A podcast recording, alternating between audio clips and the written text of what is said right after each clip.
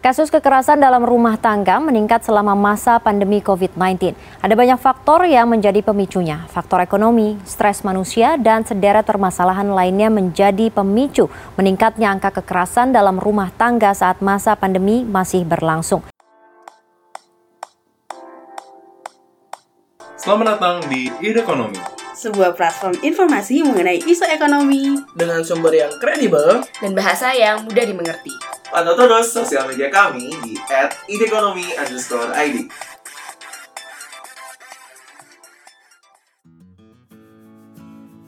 Halo semua, bersama gue Safrina Nasution, kamu akan mendengarkan cerita Puan di Ide Ekonomi.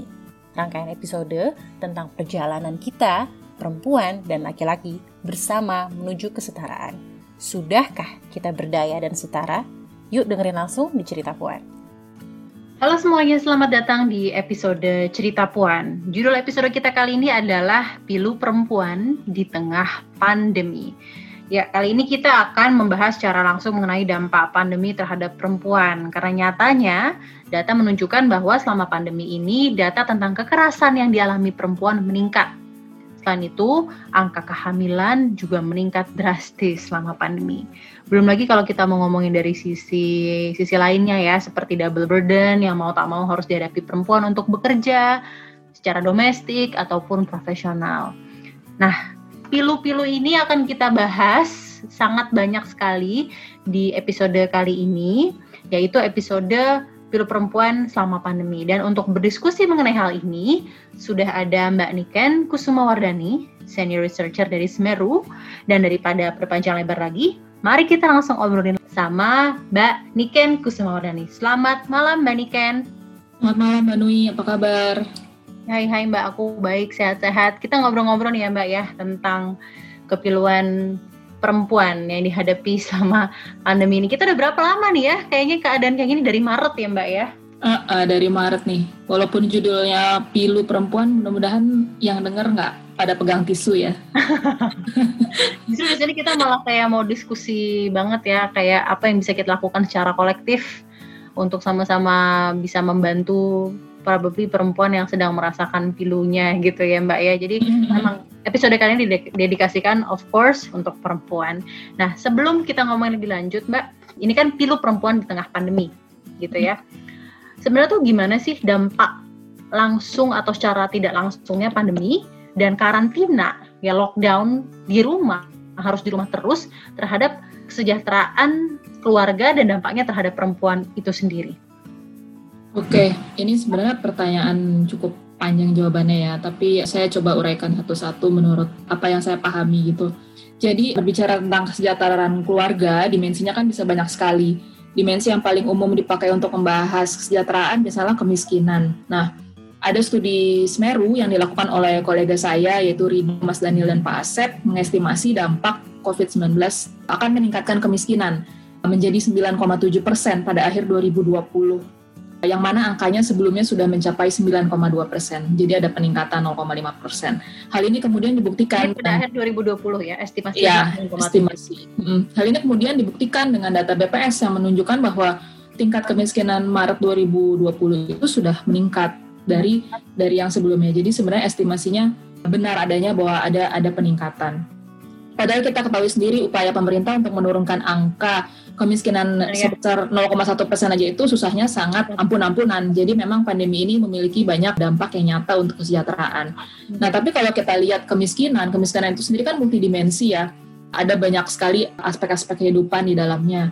Kalau kita bisa breakdown dampak COVID-19 pada berbagai aspek kehidupan nih, ada juga beberapa studi yang sempat saya baca baru-baru ini, misalnya survei dari World Bank, itu menunjukkan bahwa memang trennya itu terjadi penurunan income dari keluarga-keluarga di Indonesia atau di rumah tangga Indonesia. Nah, beberapa coping mechanism yang terlihat dilakukan masyarakat pada saat mereka mengalami penurunan income ini adalah mereka mengurangi konsumsi. Jadi mereka makan dengan frekuensi lebih sedikit. Contohnya survei WB-nya ini bilang sebagian kecil rumah tangga mengalami food shortage terutama pada kelompok keluarga miskin dan berada di luar Jawa gitu. Itu itu kita bisa lihat dari pola konsumsi saja mereka sudah berubah gitu akibat pandemi. Terus studi Smeru juga menyebutkan bahwa ada dampak pandemi pada pelayanan kesehatan ibu dan anak. pandemi ini secara umum menurunkan jumlah kunjungan ke layanan gizi dan kesehatan ibu dan anak, terutama layanan imunisasi dasar dan penimbangan anak di bawah lima tahun.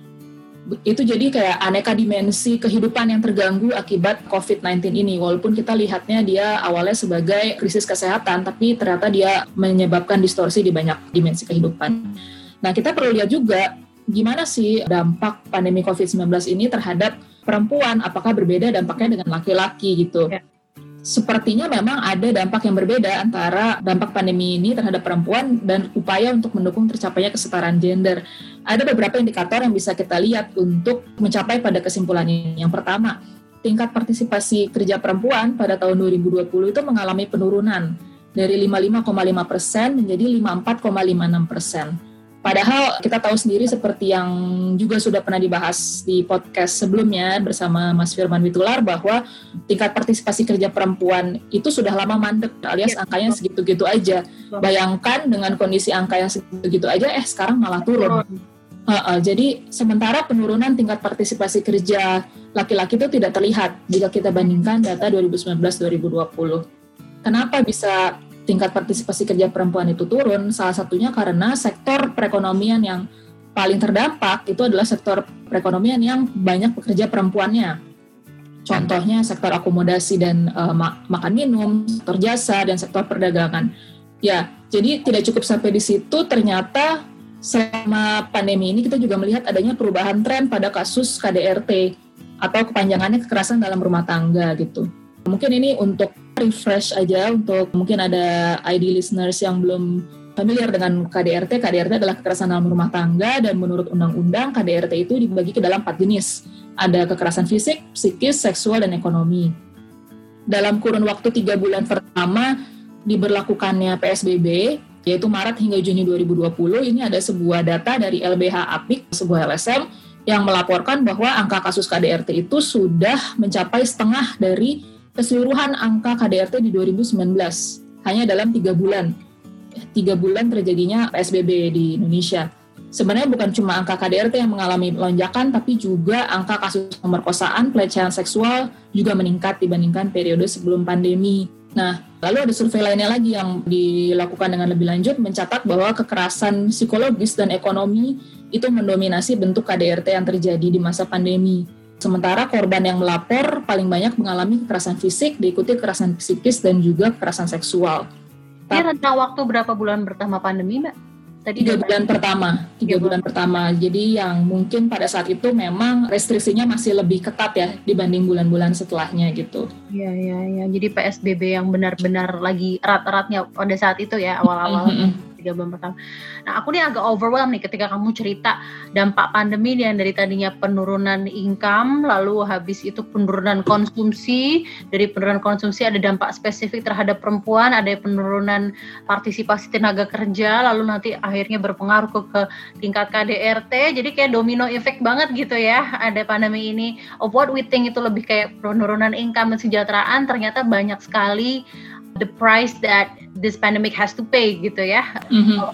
karena kejadian ini gitu ya dan kejadiannya malah sangat-sangat berentet dan kaum perempuan atau kaum marginal yang paling merasakan burdennya gitu ya. Nah tadi Mbak Ani kan berbicara tentang tren peningkatan kekerasan dalam rumah tangga, pemerkosaan ya maksudnya kehamilan gitu ya, um, lalu juga perceraian selama pandemi juga mungkin ya Mbak ya. Kalau saya lihat ada juga data perceraian yang semakin meningkat selama pandemi gitu ya.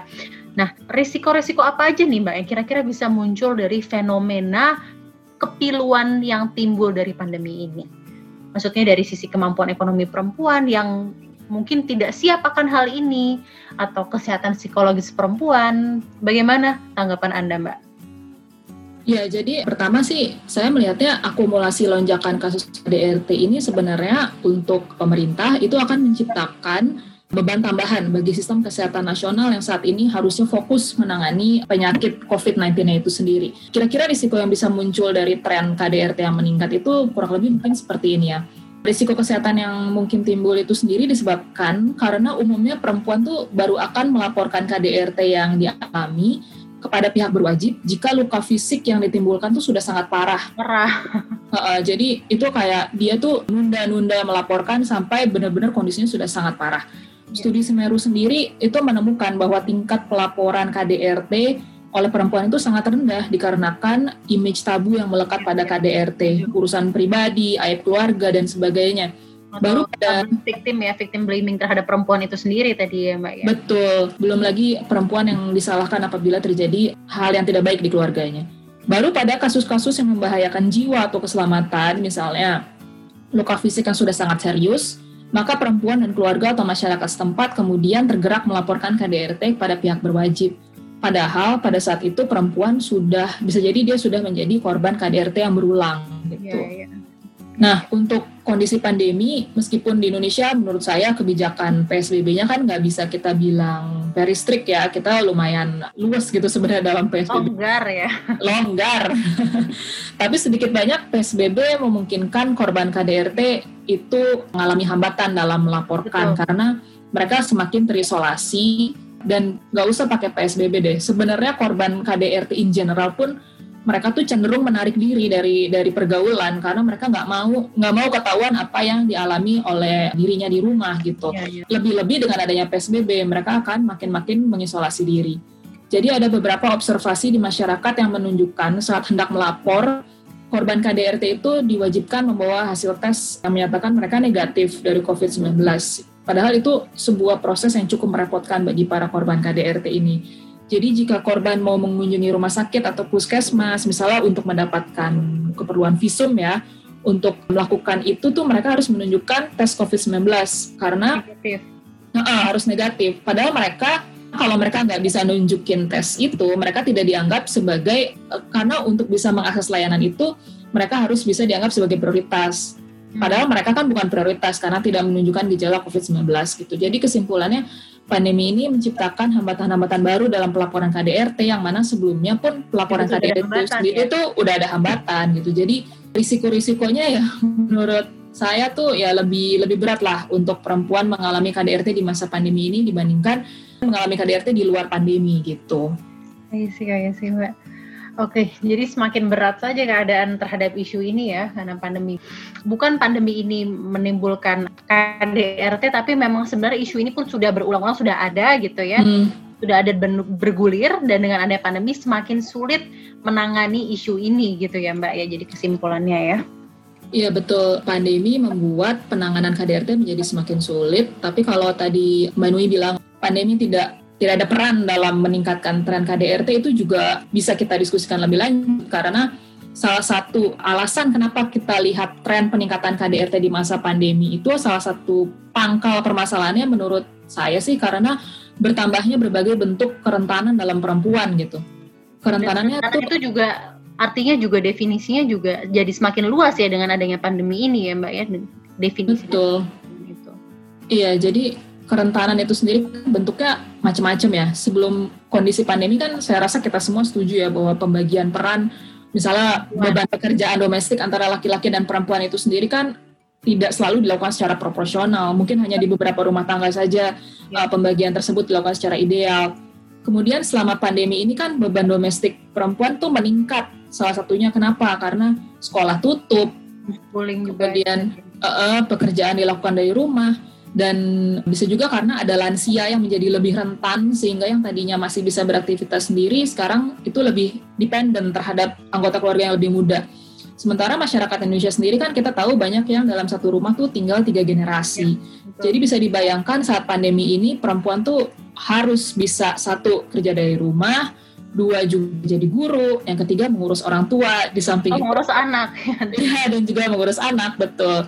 Akibatnya mereka dituntut peranannya tuh lebih lebih besar lagi. Sebelum pandemi sebenarnya double burden tuh sebelum pandemi ya, pas pandemi malah yeah. jadi triple dan quadruple gitu kayak ya, Betul. Iya, jadi entah berapalah burdennya sekarang oh, pokoknya plural plural burdennya pokoknya iya jadi perempuan jadi lebih rentan. Nah, kemudian di saat perempuan itu semakin rentan, apa hubungannya sama KDRT? Ya, literatur itu menyebutkan bahwa KDRT itu lebih rentan terjadi ketika perempuan dianggap tidak mampu memenuhi tugasnya dengan baik. Di situ mereka lebih mudah menjadi target tindak kekerasan. Misalnya jika perempuan dianggap tuh nggak bisa menyediakan makanan sehari, tidak bisa mendampingi anak belajar dari rumah dengan baik, maka perempuan dinilai sebagai pihak yang bertanggung jawab pada kondisi-kondisi tersebut. Gitu. Padahal misalnya kalau kita bilang perempuan tidak bisa menyajikan makanan dengan baik selama pandemi. Ya, yang pertama kan harga makanan juga naik gitu. Ya. Kalau misalkan dulu dia bisa masak daging, sekarang dia cuma bisa nyajiin tempe, itu kan bukan personally salah dia gitu bahwa dia tidak bisa memanage keuangan dengan baik. Tapi memang harga harga harga bahan makanan kan sempat naik gitu ya di awal-awal karena kondisi yang lebih parah daripada sekarang gitu. Nah, studi pada krisis-krisis di Indonesia terdahulu, misalnya Asian Financial Crisis itu juga menunjukkan bahwa pada kondisi terjadi kesulitan, itu khususnya kebutuhan pangan, biasanya perempuan juga lagi-lagi dia kelompok yang paling rentan mengalami penurunan frekuensi makan. Jadi perempuan itu sering memposisikan diri kalau tahu keluarganya lagi susah, dia akan makan lebih sedikit jika kondisi ini berlanjut berlarut-larut, tentunya akan mempengaruhi kondisi kesehatan perempuan itu sendiri gitu. Misalnya kita move over nih Mbak ya dari pandemi, tapi kita akan menilik lebih spesifik ke KDRT itu sendiri gitu ya Mbak Nika. Jadi ada salah satu penelitian dari The Journal of Marriage and Family menunjukkan kalau KDRT itu berkaitan dengan kondisi ketimpangan pendapatan dan juga pendidikan antara perempuan dan laki-laki gitu ya. Mm-hmm. Kalau tadi kita bilang apakah DRT itu karena perempuan yang salah, apakah karena perempuan yang salah, apakah laki-laki yang benar, kan kita tuh bisa melihat sebenarnya dari dua mata koin ya. Gak selamanya kita melihat kalau tidak bisa menyediakan makanan atau tidak bisa menemani anak homeschooling atau tidak bisa menemani orang tua ini kan nggak semuanya burden bisa disalahkan ke perempuan gitu ya. Mm-hmm. bin misalnya perempuan tersebut memiliki pendapatan yang lebih tinggi atau pendidikan yang lebih tinggi gitu misalnya, mungkin mm-hmm. dia akan tidak sama dilihat sebagai victim gitu ya. Mungkin aku nggak tahu nih ya, makanya aku justifikasi ke kamu nih ya. Mm-hmm. Jadi itu tadi kan penelitiannya bilang bahwa kondisi ketimpangan itu sangat berpengaruh terhadap KDRT. Lalu gimana menurut Mbak Niken kemandirian perempuan dari segi pendidikan dan pendapatan terhadap kasus KDRT itu sendiri dan probably juga hal-hal lainnya yang harus dikorbankan dari keluarga seperti perceraian. Jadi apakah kalau misalnya pendidikan lebih tinggi KDRT-nya mungkin akan lebih rendah ada korelasi-korelasi seperti itu atau misalnya kalau dia bekerja partisipasi perempuan dalam labor marketnya bagus, income-nya tinggi dan dia juga pintar mengelola keuangan jadi less likely ada cekcok gitu di rumah. Gimana tuh menurut kamu, Mbak? Ya, jadi memang kalau dilihat secara penelitian itu masih inkonklusif ya hubungan antara pendidikan perempuan terus juga dengan kemandirian finansial dan kemungkinan terjadinya KDRT. Jadi menurut saya hasilnya belum konklusif dan sangat sangat berbeda-beda gitu antara hasil di beberapa wilayah. Kenapa? Ini juga erat kaitannya dengan norma yang melekat di sebuah society gitu karena pangkal dari KDRT itu apa sih? Pangkal dari KDRT itu kan sebenarnya ketidaksetaraan gender. Ada relasi kuasa yang timpang antara laki-laki dan perempuan. Laki-laki umumnya memiliki power dan kontrol terhadap anggota keluarga khususnya perempuan, apalagi pada komunitas-komunitas yang masih menjunjung tinggi budaya patriarki. Terkait hal ini, Semeru juga pernah melakukan sebuah studi terkait persepsi perempuan terhadap KDRT. Kita bagi KDRT-nya ke empat jenis sesuai dengan yang ada di undang-undang yang kita temukan adalah perempuan itu cenderung permisif terhadap kekerasan fisik yang dilakukan pasangan dalam rumah tangga, tapi tidak pada kekerasan yang tiga jenis lainnya itu, yang psikis, seksual, dan ekonomi. Permisif di sini artinya memperbolehkan, memperbolehkan tindakan yang melibatkan anggota tubuh yang mengakibatkan perempuan itu menjadi cedera atau ada luka gitu. Kenapa ini diperbolehkan? Karena ada beberapa persepsi yang menganggap bahwa itu hak suami untuk berperilaku sedemikian agar mendisiplinkan pasangan. Misalnya di suatu wilayah yang uh, nilai patriarkinya itu sangat kental, kekerasan fisik itu dianggap sebagai cara suami untuk memberikan teguran pada istri agar mereka menyadari kesalahannya. Gitu. Jadi masyarakat setempat menganggap bahwa perilaku suami untuk memukul itu adalah wajar dan sesuai norma. Jadi ketika kita bicara bahwa KDRT berkaitan erat dengan relasi kuasa yang timpang, kita juga harus lihat ada nilai-nilai patriarki yang kental di situ. Nah, lanjut nih ke pertanyaannya Mbak Nui terkait apa sih peranan pendidikan perempuan dan kemandirian. Kalau saya pertama tadi saya sudah bilang hasil penelitiannya itu inkonklusif terkait hubungan antara keduanya, antara kemandirian dan juga kemungkinan terjadinya KDRT. Tapi kalau saya melihat selama ketimpangan pembagian peran antara laki-laki dan perempuan dalam sebuah rumah tangga itu masih ada, itu akan selalu ada celah untuk terjadinya KDRT. Artinya KDRT itu tidak hanya akan terjadi pada keluarga yang perempuannya tidak bekerja atau yang perempuannya berpendidikan lebih rendah, KDRT terhadap perempuan tetap terjadi bahkan pada kelompok keluarga yang perempuannya bertindak sebagai pencari nafkah utama.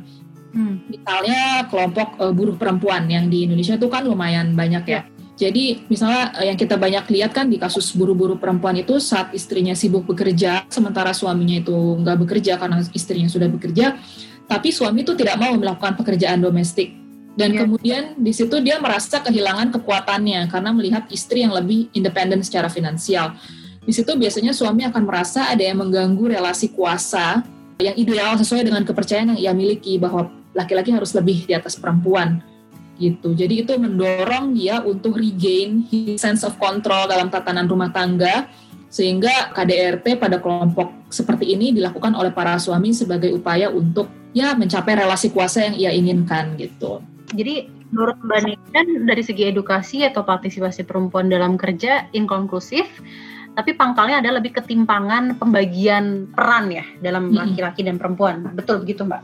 Iya, jadi relasi kuasa antara laki-laki dan perempuan itu kan tidak terbentuk karena laki-lakinya lebih pintar atau laki-lakinya bekerja, tapi ada sebuah tatanan seperti itu yang sudah ada di masyarakat gitu.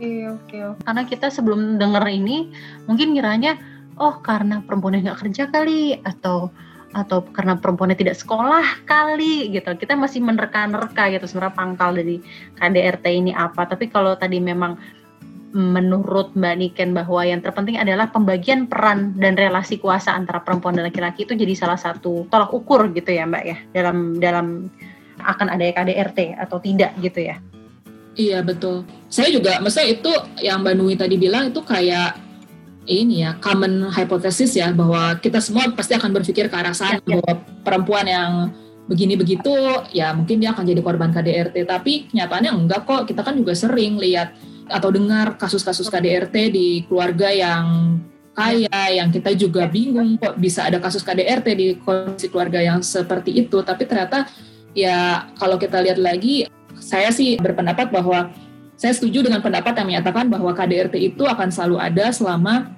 di rumah tangga itu relasi kuasanya masih timpang antara laki-laki dan perempuan. Bisa bisa dalam keluarga kaya, keluarga miskin, keluarga apa pun. Oke, yeah, very very interesting insight kalau mengenai mengenai hal ini ya di relasi kuasa yang timpang gitu ya keywordsnya. Oke Mbak, kita move forward mungkin ke diskusi lain. Nah, jadi menurut Mbak kan hal apa yang sebenarnya bisa kita lakukan secara individu, mungkin juga secara kolektif, atau dari tatanan tertingginya gitu ya, pemerintah gitu, apa yang bisa dilakukan dalam mengurangi peluang terjadinya KDRT ataupun perceraian gitu ya selama masa krisis dan pandemi ini?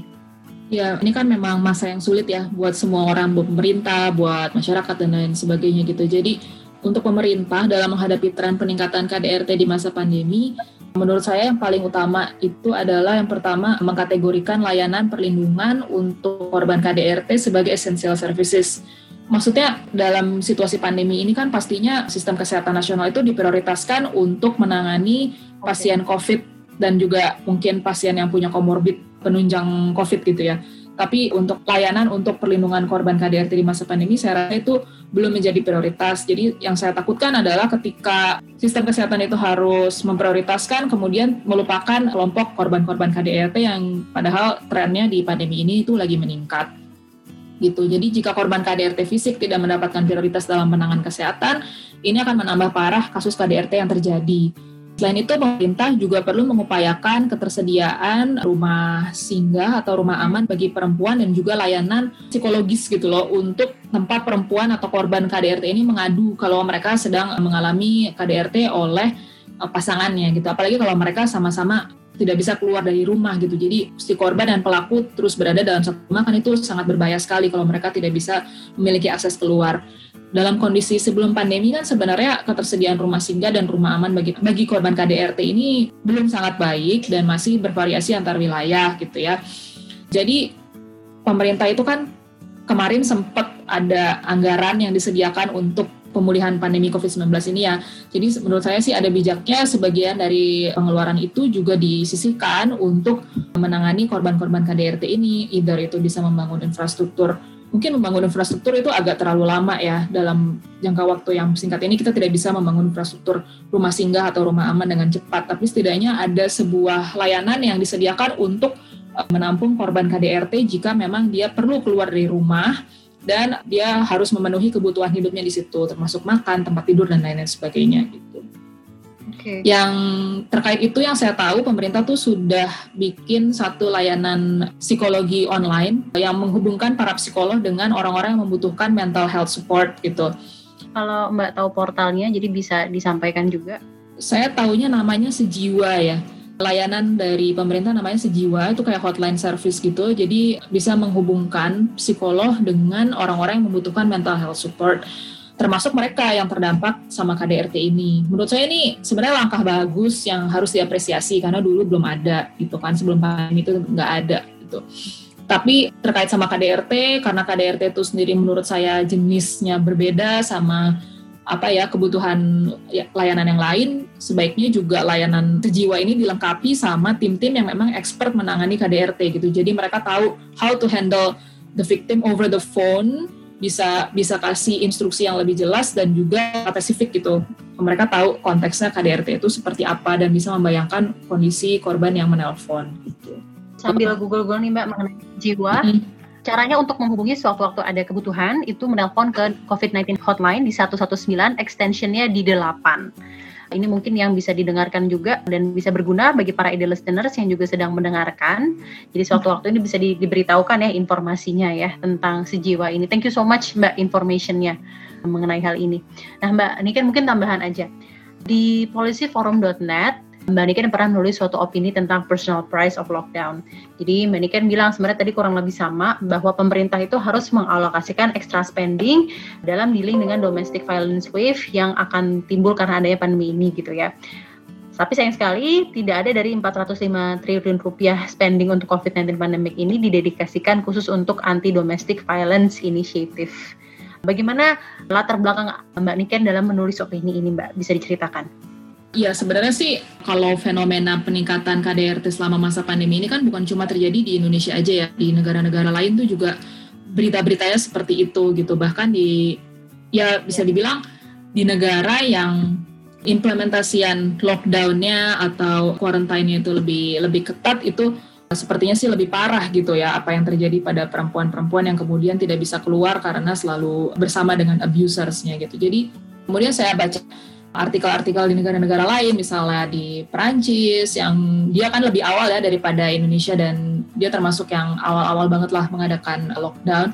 Di situ saya lihat peningkatan KDRT-nya itu sangat diantisipate ya sama pemerintahnya dan mereka mereka tuh menyediakan banyak, lumayan banyak fasilitas untuk menanggapi itu, untuk mengantisipasi itu.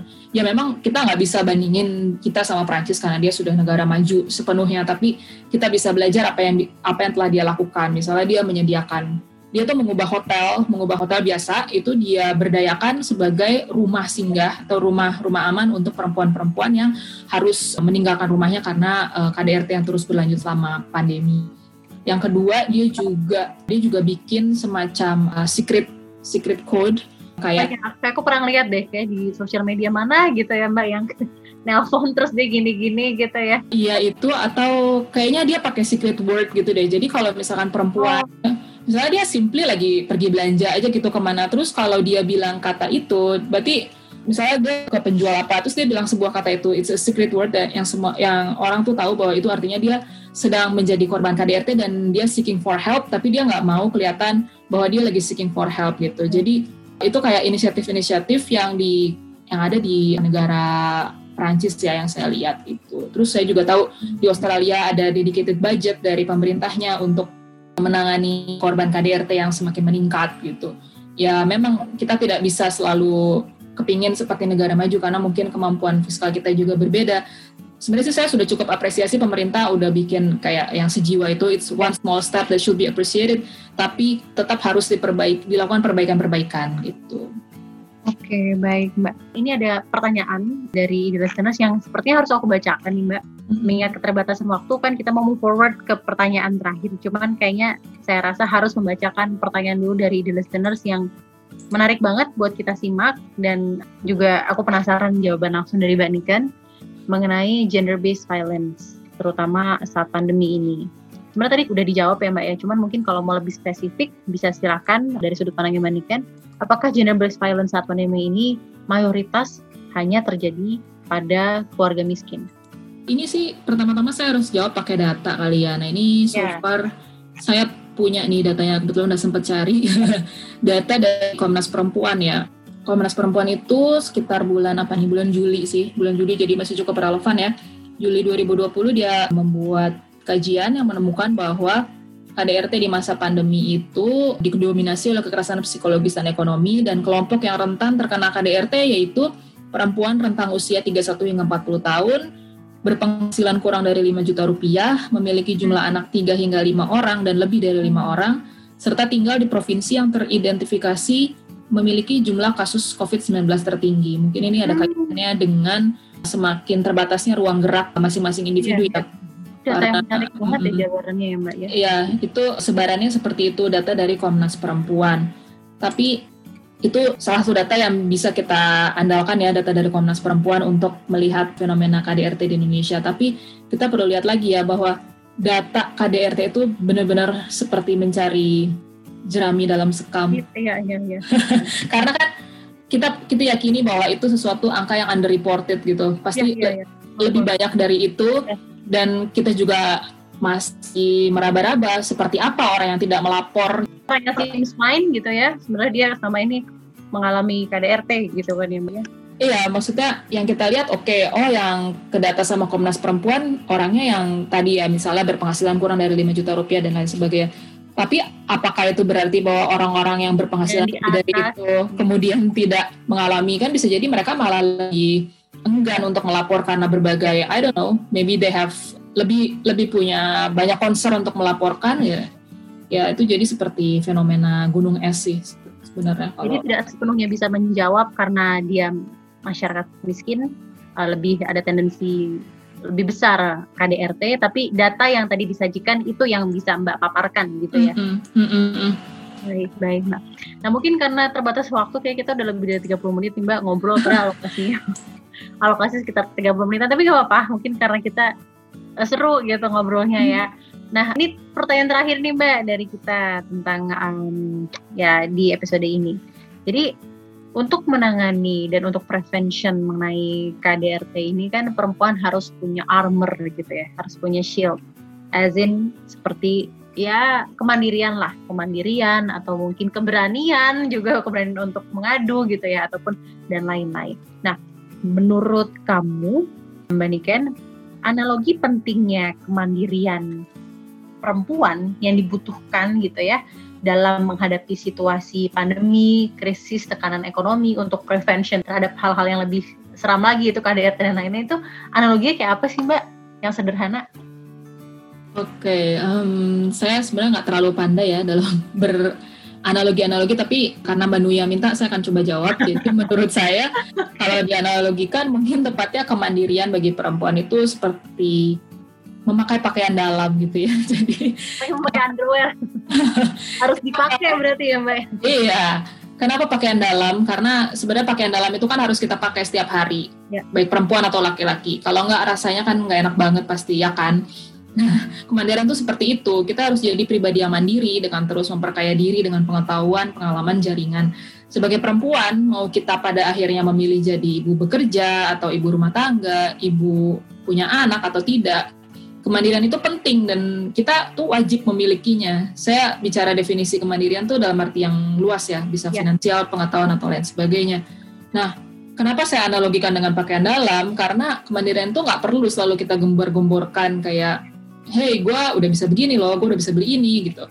Ya. Itu kemandirian itu akan selalu kita butuhkan dan membantu kita survive. Bahkan ketika kita misalnya, ya mudah-mudahan tidak pernah ya, misalnya kita terperangkap dalam rumah tangga yang toksik dan menjadi korban KDRT. Dengan menjadi pribadi yang mandiri, kita memiliki kemungkinan yang lebih besar untuk mengambil sikap tegas, keluar dari rantai kekerasan, dan melangkah keluar dari rumah tangga tersebut jika kita merasa sudah tidak balance dan sudah tidak sehat lagi. Seperti itu kira-kira analoginya. Wow. Walaupun ah, tadi aku agak hah gitu deh. Analogi seperti memakai pakaian dalam cuman kayak I quite understand and really relate to it gitu ya. Jadi seperti memakai pakaian dalam gitu ya. Pakaian dalam itu kan esensial gitu ya. Nggak mungkin nggak kita pakai gitu. Seperti kemandirian gitu. Itu harus kita carry gitu kan ke mana-mana gitu ya. Siapa pun terutama perempuan harus memilikinya karena memang wajib kan buat dimilikin gitu kali ya mbak maksud kamu ya Iya, kurang lebih. tadi aku juga suka sih poin-poin dari kamu mbak Niken bahwa kita nggak perlu eh, gembor-gembor ya tentang kemandirian. Terus kalau kemandirian itu you keep it to yourself. Namun kita tuh punya gitu loh kemandirian itu. Dan kemandirian itu juga dibutuhin sebagai safety cushion bagi kita buat menghadapi apa pun. Misalnya ada force major atau keadaan yang kita nggak bisa ekspektasikan nggak bisa kita kira-kira gitu ya sebagai perempuan ya mbak ya Iya tuh, kayaknya penjelasan Mbak Nui lebih bagus dari saya. ya, kalau aku kayak mau berusaha elaborate gitu kan mau pakai pakai terus gue kayak hmm, rasanya gimana Iya. oh ya ini this is everywhere that I carry it itu is it is essential and I don't have to flaunt it gitu tapi Mhm, mhm. dengan aku memakai itu itu membuka memberikan aku suatu perlindungan sendiri gitu kan ya mbak berarti ya Iya, betul. kayaknya para idealis sih terutama yang perempuan-perempuan pasti super relate. Aduh oke deh mbak. Kita aduh dan aku senang banget nih ngobrol sama mbak Niken. Probably kita ada kesempatan lagi mbak buat ngobrol-ngobrol isu-isu lainnya. Mungkin lewat cerita pon yang lain ataupun nanti bisa sama ide ekonomi di future-future yang lain. Nah mungkin pesan terakhir buat listeners kalau dari aku KDRT itu akan terus berlangsung seperti katanya Mbak Niken. Terutama karena adanya pembiaran oleh lingkungan sekitar. Betul ya Mbak? Mhm. jadi kalau ada pembiaran dari lingkungan sekitar karena dianggap ranah personal dan ada juga stigma victim blaming yang selama ini ditujukan hanya ke perempuan, maka jelas. Menurut kita nih kita bisa konklusikan bahwa cara menstopnya adalah dengan tidak hanya berharap pandemi dan berharap bahwa semuanya akan berlalu gitu. segala bentuk kepilu- kepiluan yang dihadapi perempuan ini yang bisa kita lakukan secara kolektif adalah kepedulian dan peran yang harus lebih aktif dalam menyuarakan isu ini. Kurang lebih itu sih yang bisa aku simpulkan dari ngobrol-ngobrol santai sama Mbak Niken. Nah, thank you so much Mbak Niken waktunya buat kita diskusiin tentang hal ini. Sehat-sehat dan salam sukses buatmu Mbak Niken. Thank Thank you Mbak Nui dan tim. Iya, Sukses selalu Mbak. ekonomi. Iya, sama-sama. Sehat-sehat juga.